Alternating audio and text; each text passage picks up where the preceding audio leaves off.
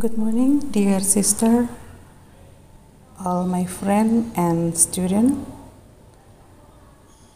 Let us have a moment of silence to pray. In the name of the Father, and of the Son, and of the Holy Spirit, Amen. God, thank you for this morning.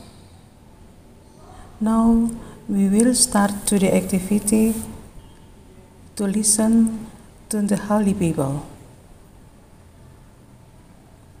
The Lord be with you and also with you. A reading from the Holy according to Mark. Glory to you, Lord.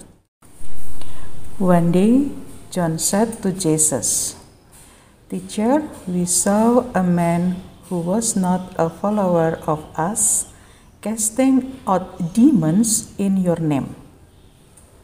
Then we stopped that person because he is not our follower.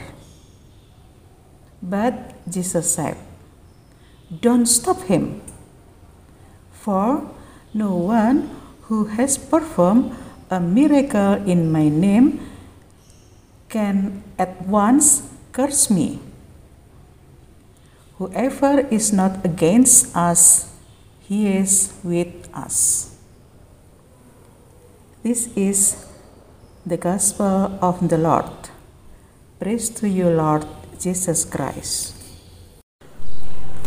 Mengusir setan adalah perbuatan baik, maka Yesus tidak melarang siapa pun yang mengusir setan. Dalam hal ini, kita mengartikan mengusir setan bisa dengan menolak kejahatan. Yesus sudah mengajarkan kepada kita semua perbuatan baik dengan mengizinkan semua orang berbuat baik, mengizinkan semua orang menolak atau mengusir kejahatan, walaupun mereka bukan murid Yesus, seperti perikop pada bacaan tadi. Untuk itu, suster, bapak, ibu, dan anak-anak, marilah kita semua saling bekerja sama dengan semua orang yang berkehendak baik, terlebih demi kebaikan semua orang.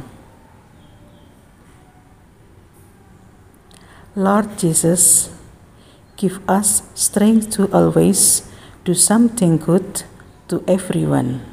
Amen. In the name of the Father, and of the Son, and of the Holy Spirit. Amen.